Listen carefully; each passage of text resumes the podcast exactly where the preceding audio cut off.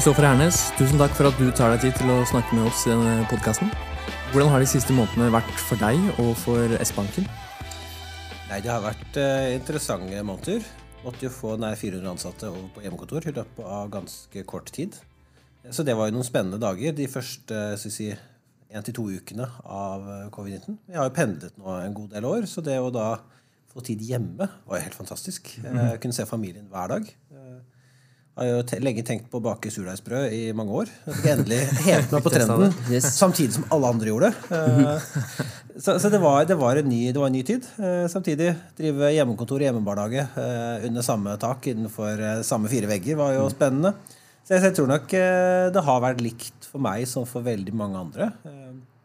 Hektisk. Litt sånn kombinasjon av brakkesjuke, høy puls og sånn trang til å finne på noe. I hvert fall for vi som har familier.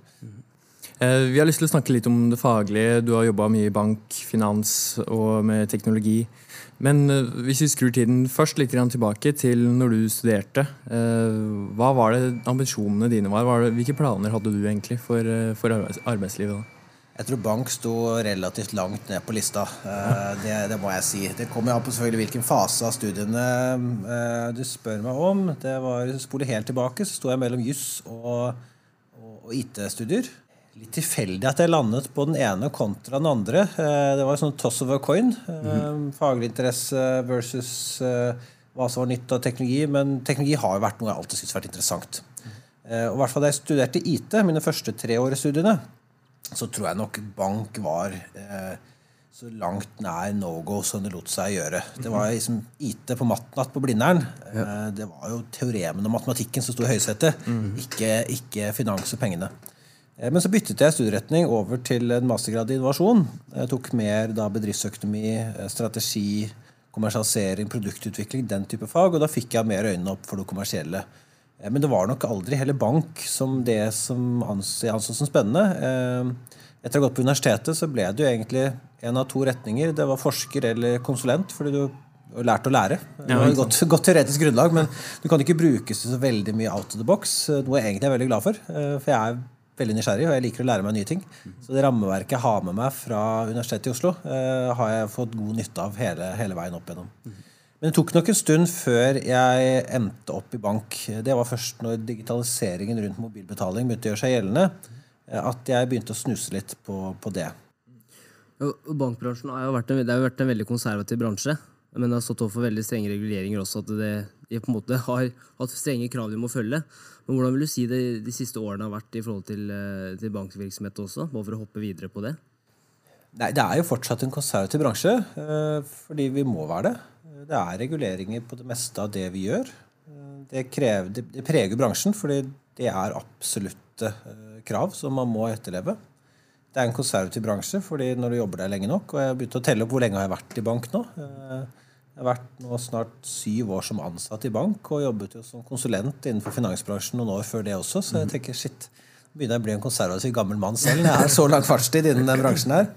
Nei, jeg kan, jeg kan, jo si at De siste fem årene så har det vært en dreining mot man må tenke spesielt innovasjon i kundegrensesnittet i mye større grad. Vi har gjort enormt mye eh, under panseret i norsk finansnæring.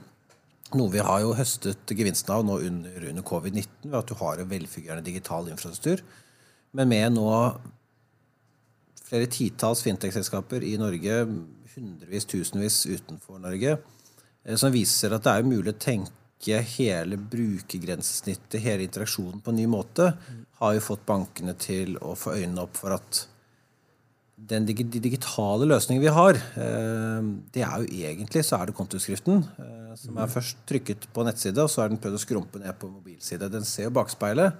Så det er jo mulig å lage kanskje noe mer relevante brukeropplevelser. Ingen har knukket koden helt ennå, for det er jo ekstremt krevende. Det er så vanskelig å lage en, en da personalisert løsning som treffer alle. For alle er unike. Eh, å prøve å lage noe som skal være felles for alle, blir jo en sånn one size fits none. Mm. Hva vil, hva vil, du si er noe av det mest sentrale som skjer nå på en måte i krysningen mellom finans og teknologi, og også hvordan mennesker kommer inn i det bildet også? Nei, vi har jo fått nå uh, Hele verden uh, har jo nå fått et ordentlig tupp i baken når det kommer til overgangen fra kontanter. Uh, det er nok en diskusjon som kommer nå ramlende ut av covid-19. Det blir spennende å se. Hvis man ser på tidligere kriser, så har veldig mye av den brukeratferdsendringen som har blitt kommet under kriser Hvis du ser nå økningen i streamingtjenester, så hadde man jo tilsvarende under da Katrina, orkanen. Men så falt det tilbake til en slags normal. Men baselinen ble løftet noe. Og da kan man jo tenke oss på Mathandel på nett har jo fått en enorm spike. Hva blir den nye baselinen? Eh, bruk av kort, spesielt i land som f.eks. Tyskland, som har jo 60-70% kontantandel, eh, har jo fått en enorm spike. Hva blir den nye baselinen på, på kortbruk? Hvordan vil mobilbetaling eh, komme ut av dette her? Hvilke løsninger vil komme seirende ut? Nå som vi ser selv butikkene, selv i land hvor man da cash is always appreciated, mm -hmm. har byttet ut det skiltet med cards and mobile. Eh, så det, er jo spennende som skjer på betalingsområdet. Dykker man litt ned rabbit hole på banksiden, så er det jo nå litt sånn reset-knappen på hele rentemarkedet som vil nok prege bransjen framover. Og der kan man jo tenke at det er mulig å tenke, se på nye forretningsmodeller. Man var helt sikker på at nå skulle i hvert fall renten oppover igjen for kun få måneder siden. Mm. Og det viser jo litt hvor viktig det er som organisasjon da, å ha en agilitet for å kunne agere raskt på de endringene som skjer. Så jeg tror nok de fleste har jo tegnet nye prognoser eh, de siste månedene her på hvordan rentemarginen kommer til å se ut for, eh, for bankene. Men med tanke på du nevnte mobilbetaling og kort og sånt, og det har jo selvfølgelig skjedd en utvikling nå under korona. Eh, vi har blitt tvunget til det. Men i Kina bruker de veldig mye QR-koder. og i Vesten så bruker vi ja, både mye bankkort, men også mobilbetaling etter hvert. Eh, så har du jo som f.eks. Amazon Go, hvor du slipper å egentlig bruke noen ting. Eh, nesten. En liten chip, er det vel. Hvordan tror du den utvikler seg, eller hvordan tror du det markedet utvikler seg fremover? Eh, for det brukes veldig mye forskjellige metoder for å betale. Altså, drømmen min er jo Den perfekte betaling er jo den usynlige betalingen. Mm. Det er Amazon Go, Go som tar den til et nytt nivå, eller bare det å ta en Uber hvor du bare går ut av bilen, og så skjer betalingen. Det er jo fantastisk. Å slippe å sitte der og knote med kortet eller mobilen og få den kvitteringen når du egentlig har bare lyst til å gå ut av bilen. Eh, det som jeg tror er viktig, som Før jeg endte opp i bank, så jobbet jeg mange år som konsulent. og jobbet en del med internasjonalisering av teknologiselskap bl.a. At det er jo veldig få selskaper som har en ekte global utrulling. Du har forskjeller regionalt, du har forskjeller nasjonalt. Og I hvert fall når det kommer til, til, betaling. Du har de kulturelle forskjellene. Eh, så Jeg nevnte Tyskland, f.eks. Der har du dypt kulturelt eh, i samfunnet eh, en veldig sterk posisjon til kontanter. For det er noe håndfast, og det passer veldig godt inn i tyske mentaliteten. I tillegg så har du et samfunn som er veldig opptatt av personvern. Ehm, dermed så foretrekker man også kontanter. Mm. USA også har jo Jeg har bodd i USA. Mm. Og Der har du et eget ritual når du skal betale, eh, med tipsing, med alt mulig. Kontantene har en veldig sentral posisjon. Så har du også teknologien som er veldig ulik. Man ser veldig på QR-koder i Kina. Det man ser når du ser på kinesiske markedet, er at betalingsterminaler finnes jo knapt hos eh, veldig mange av spesielt de små, uavhengige butikkene. Men også på mobiltelefonsiden. Nå er det i ferd med å endre seg, men majoriteten av de mest solgte mobiltelefonene i Kina har ikke den NFC-brikken som i Norge det er en stor debatt om Apple skal åpne eller ikke. I Kina så har det egentlig ikke vært en debatt om Apple skal åpne den eller ikke. fordi det er merker som Xiaomi har vi hørt om. De to andre husker jeg ikke navnet på, men vi har ikke hørt om det i Norge uansett. Som dominerer mobilmarkedet i Kina. Eh, og dette er mobiler som er ganske rimelige for at folk flest skal ha råd til dem. Og den NFC-brikken den koster litt ekstra. Så den har man valgt å utelate så har du både, har du både på brukersiden og brukerstedsiden tatt bort hele NFC-diskusjonen. Naturlig er jo QR-koder den eneste løsningen som passer inn i, eh, inn i si, tech-stacken i Kina. Så det er en del sånne lag under panseret. Eh, jeg kaller det innenfor betalinger bevegelige og ikke-bevegelige deler. Så man må hele tiden grave for å se hva er liksom minste eh, minste delkomponent da, som påvirker de veivalgene man har tatt innenfor eh, mobile betalinger. Her kan man jo gå seg bort, så det hjelper jo å være litt sånn supernysgjerrig og litt sånn nerdete på ting, sånn som jeg er, for å sitte og grave og grave og hele tiden prøve å finne nye ting. Eh, og så er det jo mange ukjente faktorer. Jeg tror det er derfor veldig mange syns mobilbetaling er veldig spennende. Det er litt sånn spillteori over det. Litt sånn der, Spekulere litt. Hvis, hvis, Apple gjør det, hva gjør Vips da? Hva med Mastercard? Hva med Visa? Hva med bankene? Hva med varehandelen? De har jo CoPay, de har jo sitt selskap for betalinger.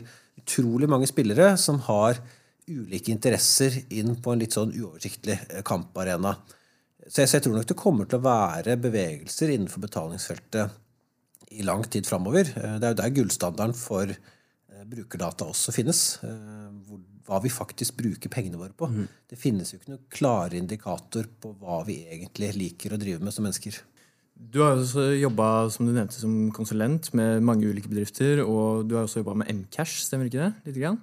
Stemmer. I min tid i Sparebank1 så var jeg med eh, da, taskforcen for å hvordan skal man som nest største aktør i markedet svare på VIPS? Mm. Eh, så det var jo da det som nå er jo en 25-30% av VIPS. Eh, satt jo også styret i Sparebank1 mobilbetaling, så det var jo spennende. Utfordrerposisjonen står. Da var det i hvert fall kaos med tre, tre aktører i markedet. ja. Og liksom, eh, når det begynte å sette ut disse betalingsterminalene i butikk, mm. så så det ut som man skulle få sånne der, ordentlige markedstendenser i, i kassepunktet. Husker det veldig godt. Ja. Hvordan jobber man eh, sammen da? Altså, som uh, ulike oppstartsbedrifter sammen med veletablerte, store banker for å på en måte Hvordan skal man klare å få fram den beste løsninga sammen, istedenfor for at det bare blir en evig konkurranse? Ja, I det tilfellet her så valgte jo Sparebank1 å kjøpe ut uh, hele teknologien og en lisens for det norske markedet. Uh, så, så, da var jo egentlig Man tok jo over Norge totalt sett. Så den samhandlingen var jo mer da på innholdet i plattformen. At man fikk eh, bistand til å forstå hvordan dette var skrudd sammen. Eh, men med Nesbanken så har vi jo hatt en, en riktignok en majoritetsandel i et selskap som heter Confolio, som jeg også har vært styreleder i.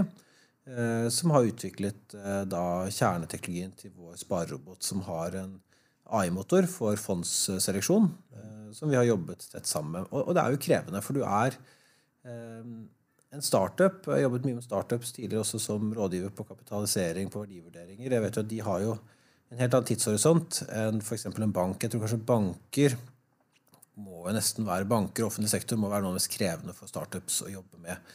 For man har så lange linjer. Eh, man har egentlig uendelig god tid. Men det har du ikke når du har en runway på likviditeten din som du ser egentlig enden på. Eh, og det er jo en problemstilling som kanskje mange innenfor spesielt de virkelig store bransjene det er jo ikke tema. Man kjenner jo ikke til den smerten på kroppen. Eh, hvor, det er sånn, ja, hvor mange måneder med lønn har vi til de ansatte igjen før det går tomt? Og det er virkeligheten for mange startups. Jeg, jeg tror den, Den sense of urgency og den tidslinjen er kanskje de store disconnectene mellom corporates og de små selskapene. Eh, og den er kanskje vanskelig å finne sammen om. Eh, og det er vanskelig å ta den diskusjonen ærlig og direkte nok med en stor partner. For man vil jo fremstå som en solid leverandør. Man vil jo fremstå liksom stolt og, og rakrygget. Men for alle som har vært i eliteselskap Jeg har vært i litt eliteselskap selv. Jeg vet jo i likviditetsspøkelset har du hengende over ryggen hele tiden. Ja. Men sånn, sånn, generelt, da, hvordan vil du på en måte med tanke på dine, dine år nå med erfaring gjennom bank, hvordan vil du si Eh, på en måte mindre aktører samarbeider med, det, med corporate. Hvordan vil du beskrive at Norge er på dette?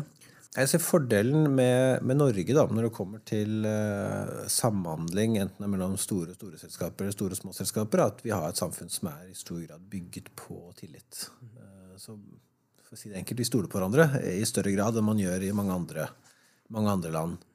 Samtidig uh, så er det nok for en del startups som møter bankverden, tror det kan være veldig frustrerende, fordi vi jobber jo etter å vurdere risiko.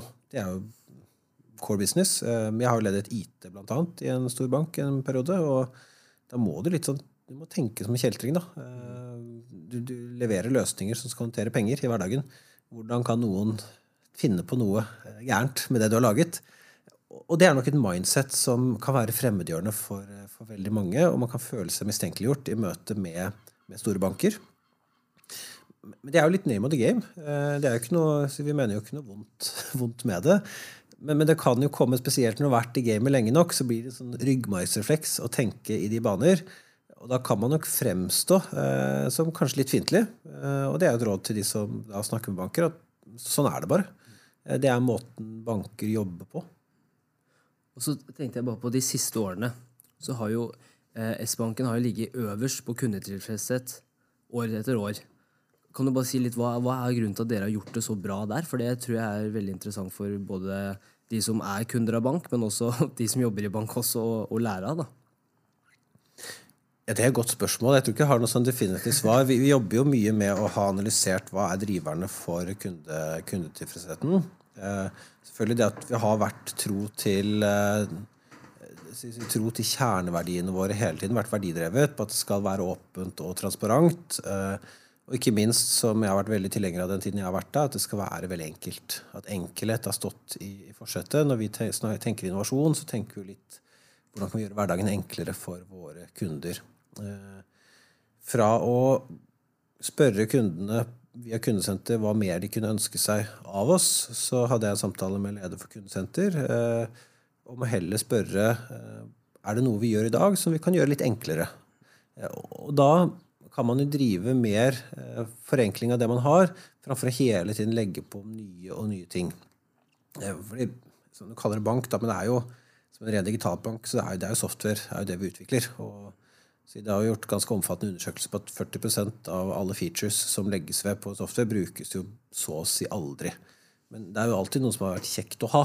Mm. Og det tror jeg er utrolig viktig når det kommer til den der lytte til kunden. Som, hvilke problem er det du egentlig skal løse for kundene dine?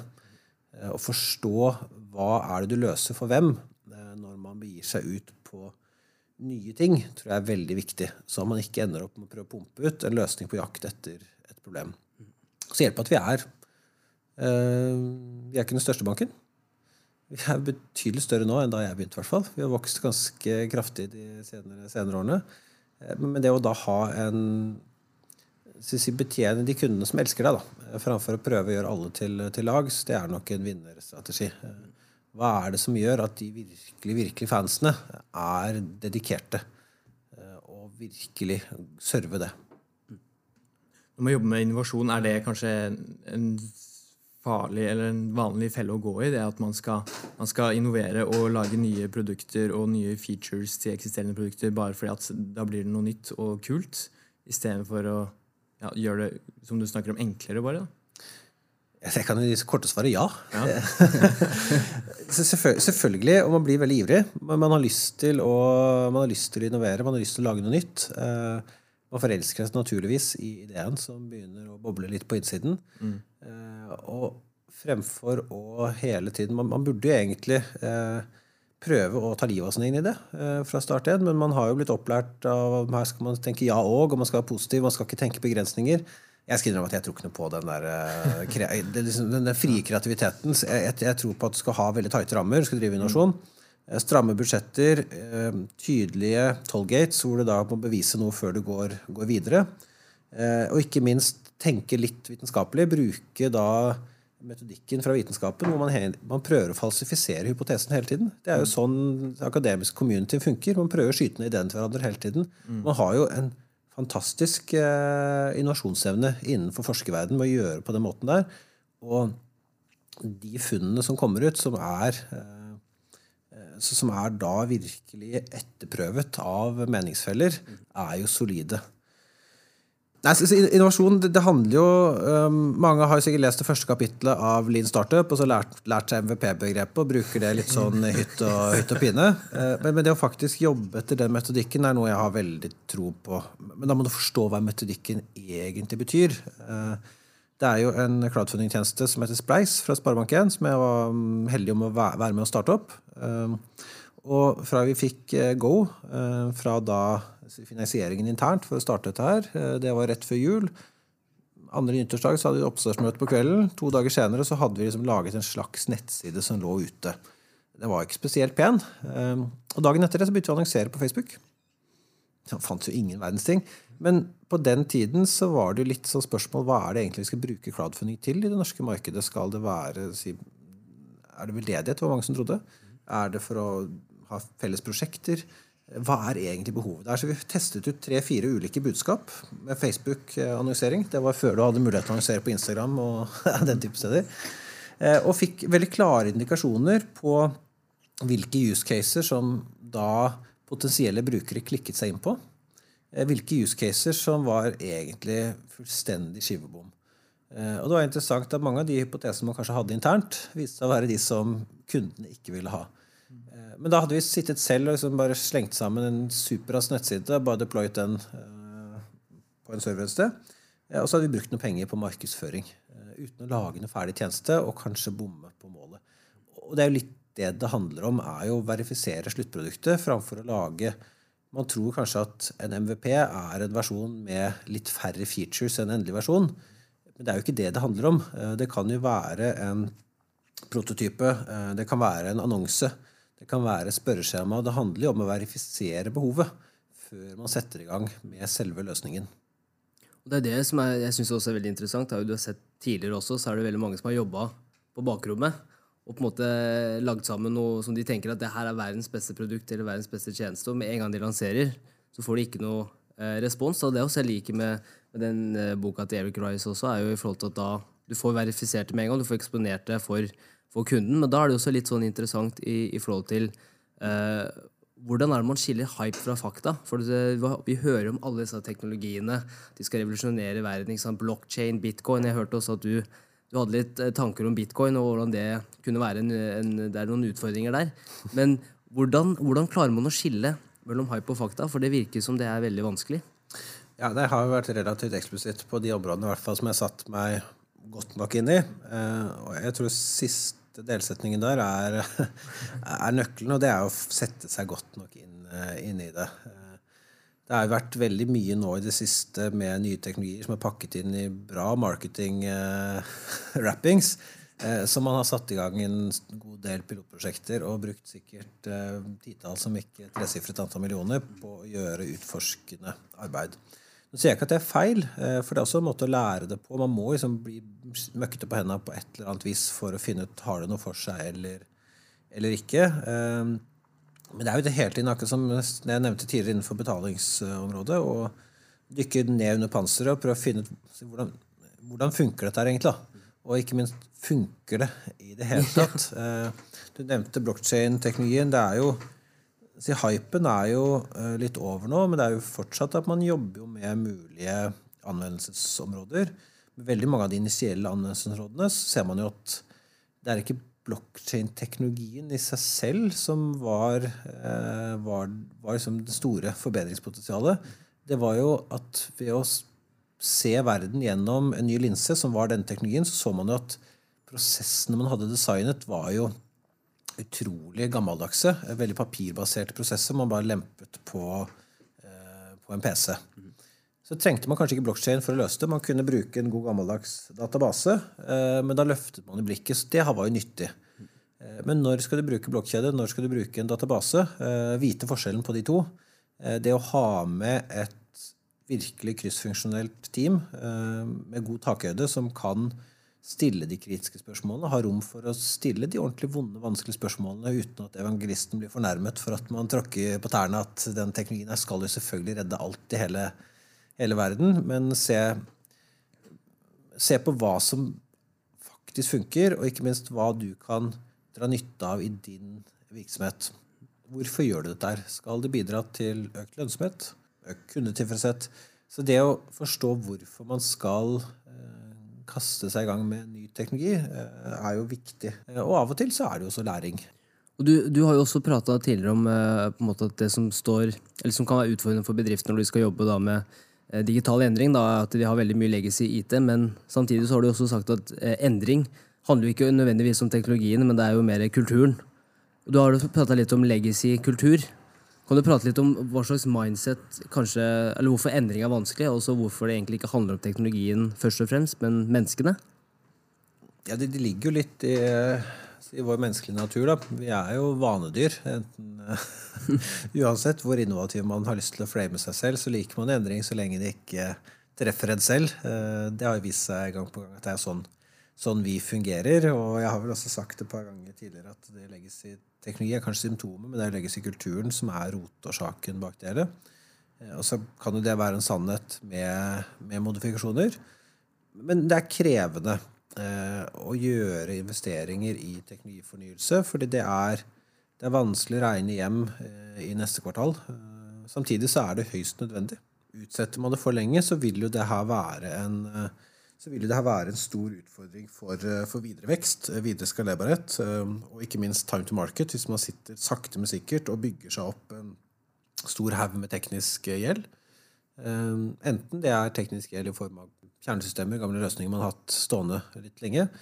Men teknisk gjeld trenger ikke være relatert til alder. Det kan også være den, den tjenesten eller den featuren eller det produktet du absolutt måtte ha ut til i løpet av første halvår, eh, fjoråret eller året før der igjen, hvor du fortet deg så fælt for å komme til markedet.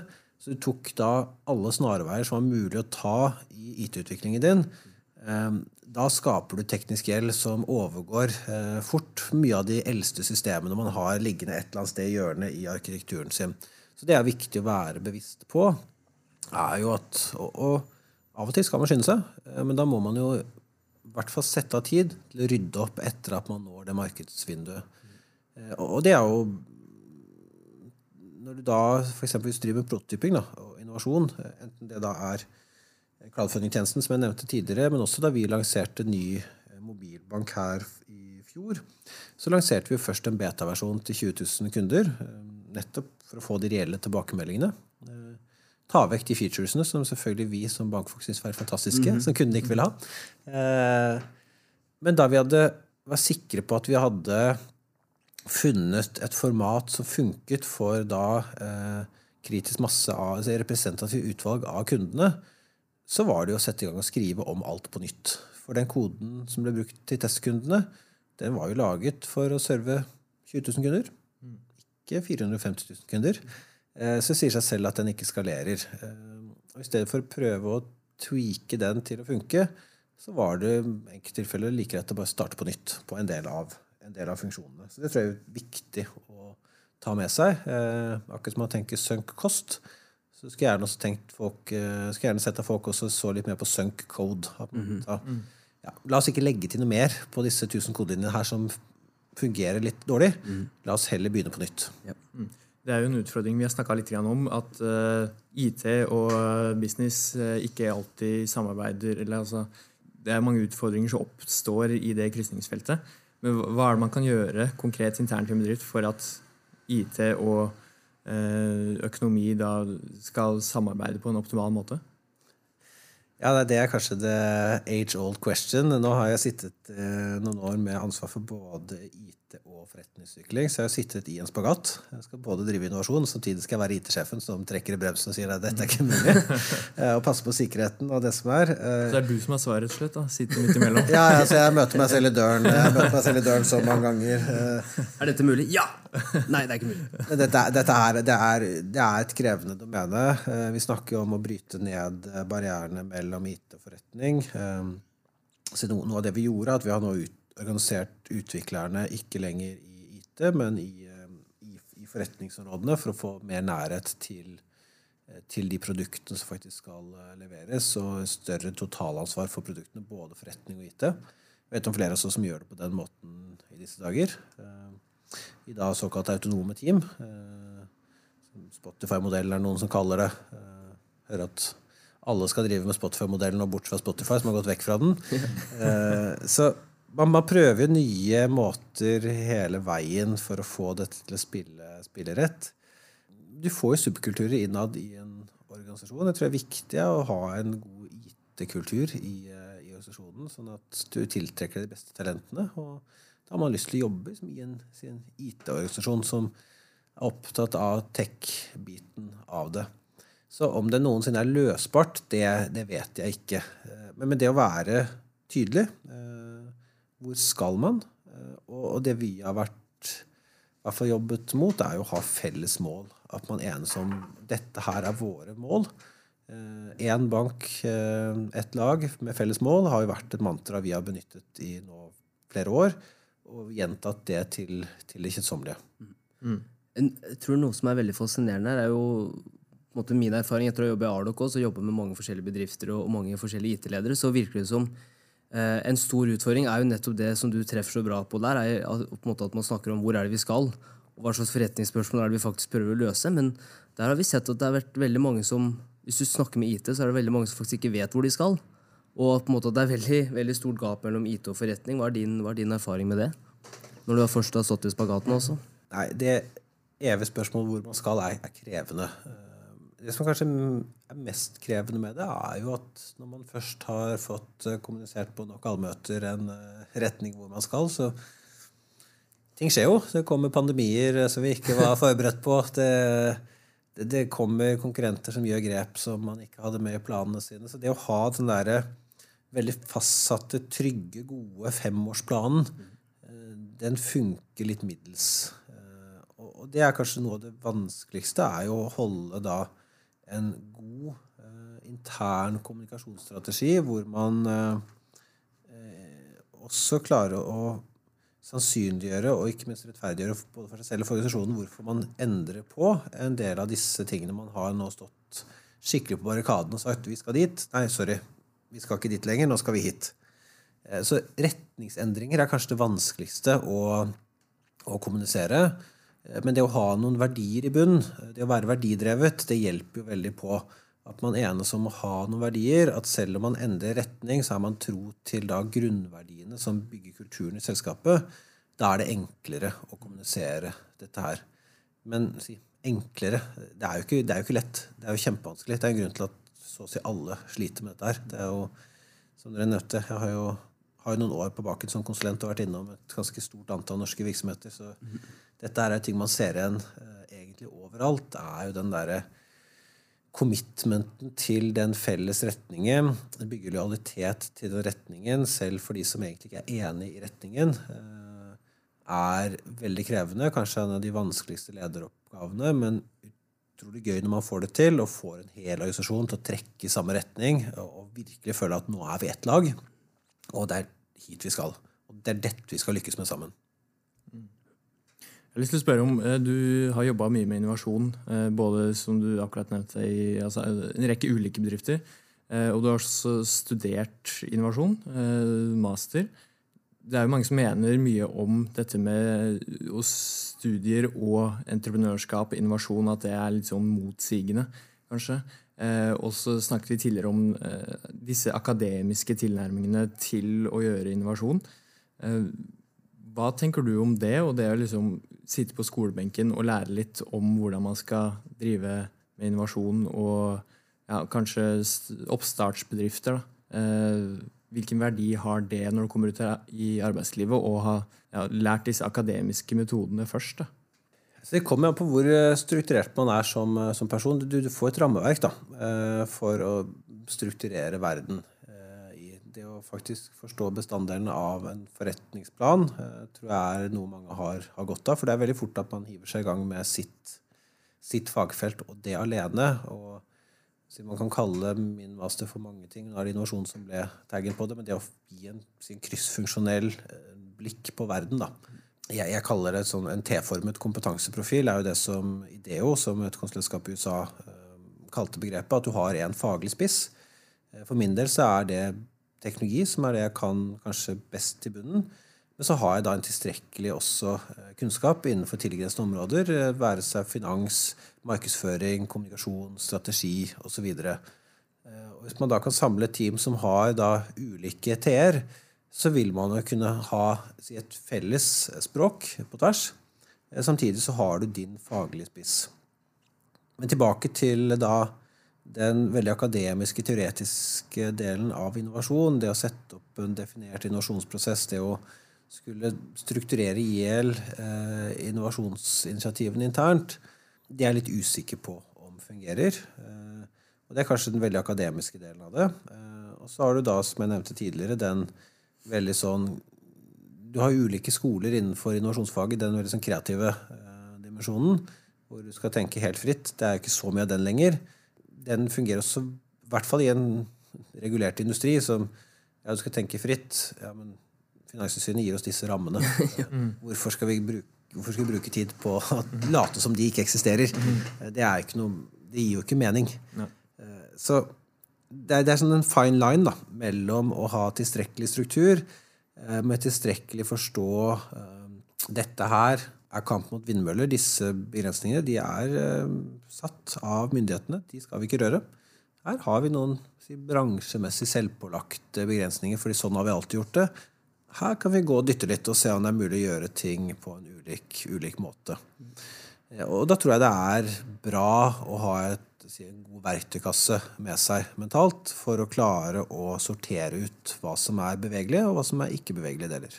Jeg, jeg tenkte jo for at eh, Du har jo nevnt at du blir, du blir litt beskjeden når du får mye skryt. Og det, det ser jo at du har utrolig stor kompetanse innenfor teknologi og kryssing mellom forretning og, og IT. Men hvordan er det du klarer å holde deg oppdatert? Er, det, du noen, er det noen nettsteder? Er det noen bøker? Altså, er det, hvordan er det du holder, holder dette maskineriet av eh, kompetanse i gang? For, ikke for å gjøre deg for beskjeden, men hvor er det dette kommer fra?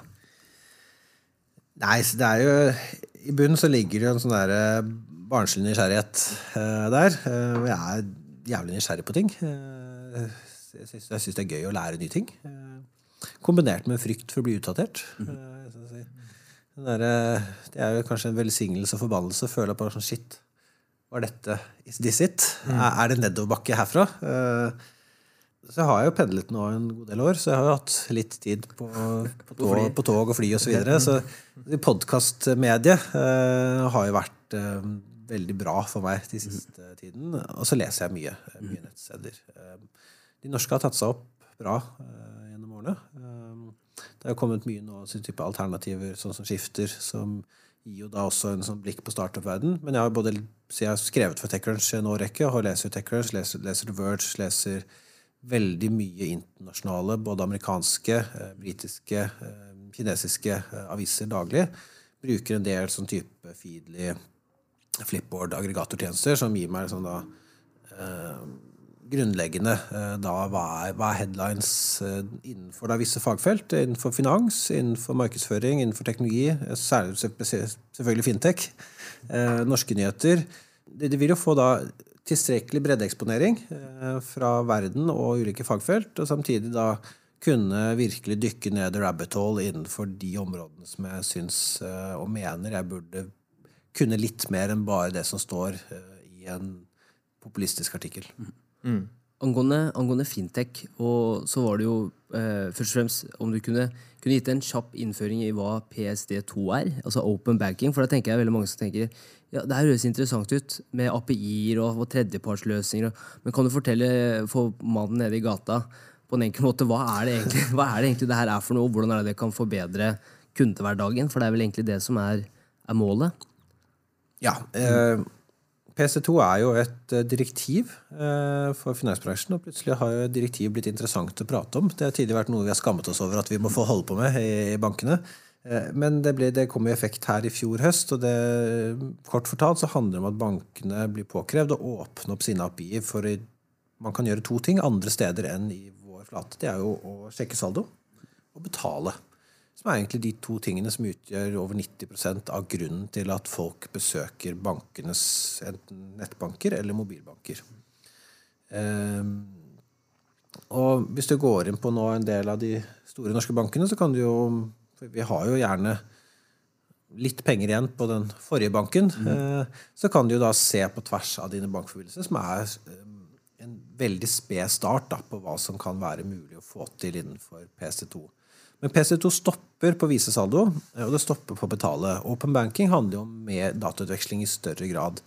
Eh, Sånn som Vi har koblet oss opp mot eh, i første runde Fiken og skal jo ha flere regnskapssystemer på eh, for vår bedriftssatsing, slik at bedriftskundene, hvis de ikke har lyst til å gå inn i nettbanken, eh, så går de og gjør bankoppgavene sine i regnskapssystemet som vi tilgjengeliggjør API-ene, sånn at kundene kan utføre de oppgavene de vil utføre, der de vil. Dette, altså vi, som, som alltid, altså vi kunne sitte her i timevis, for det er så interessant. Og, og en måte plukke hjernen. Ja, jeg har jo ferie, jeg har ferie så jeg har ikke noe Ja, da blir vi her i, vi her i tre timer til. Da. Men, eh, men sånn, som vi pleier også å gjøre avslutningsvis, det er jo nå som du har en utrolig stor kompetanse innenfor teknologi, og du har jobba innenfor bankvirksomhet som konsulent eh, i, i, flere av de største bedriftene i Norge med innovasjon, men også nå spesifikt mot eh, finansnæringa, eh, Hvis vi skulle litt tilbake igjen, hvis du hadde møtt Kristoffer i, døra 20 år før han skulle inn på studiene altså, eh, Når du begynte på IT-studiet, hva, hva for det første, hva slags tanker hadde du da, men også hva slags råd ville du gitt til denne personen? jeg, jeg, vet ikke om jeg ville turt å, turt å si noe. Jeg har frykt for å provosere meg selv til å ta noen eh, helt dumme valg. For jeg, jeg, jeg, tror nok Hvis jeg hadde sagt til meg selv at jeg skulle ende opp med å jobbe i bank, så hadde jeg sikkert blitt litt grinete på meg selv. Jeg tror det, jeg tror det er ganske langt fra Kristoffer Kristoffer som kom med skateboard og hettegenser på Blindern mm. for 20 år tilbake. Jeg tror det ville bare vært å vifte en rød klutt foran meg selv, uten at jeg er helt sikker. Mm. Og også avslutningsvis der, da, hvor er, det, hvor er, det, folk kan følge deg på sosiale medier? For du har jo en egen blogg hvor du skriver interessante artikler om, om teknologi, og også da innenfor fintech nå, siste tiden. Men hvor kan folk finne deg på, på, nettet? Jeg er jo på de sosiale mediene som finnes. Eh, nå har jeg jo litt fri, så det er ikke så aktiv akkurat nå. Men jeg finnes jo på Twitter, jeg finnes jo på LinkedIn, så det er jo å følge med. Så poster jeg når jeg kommer over noe interessant. Når jeg er, når jeg er tilbake i modus. Nå skal jeg lese mer analoge ting. Eh, det er endelig litt kjøligere ute, så jeg tenkte jeg skulle sette meg ut i skyggen og lese en bok i dag. Så leser du heller? Kristoffer, tusen takk. Skal dere ha. Og god ferie.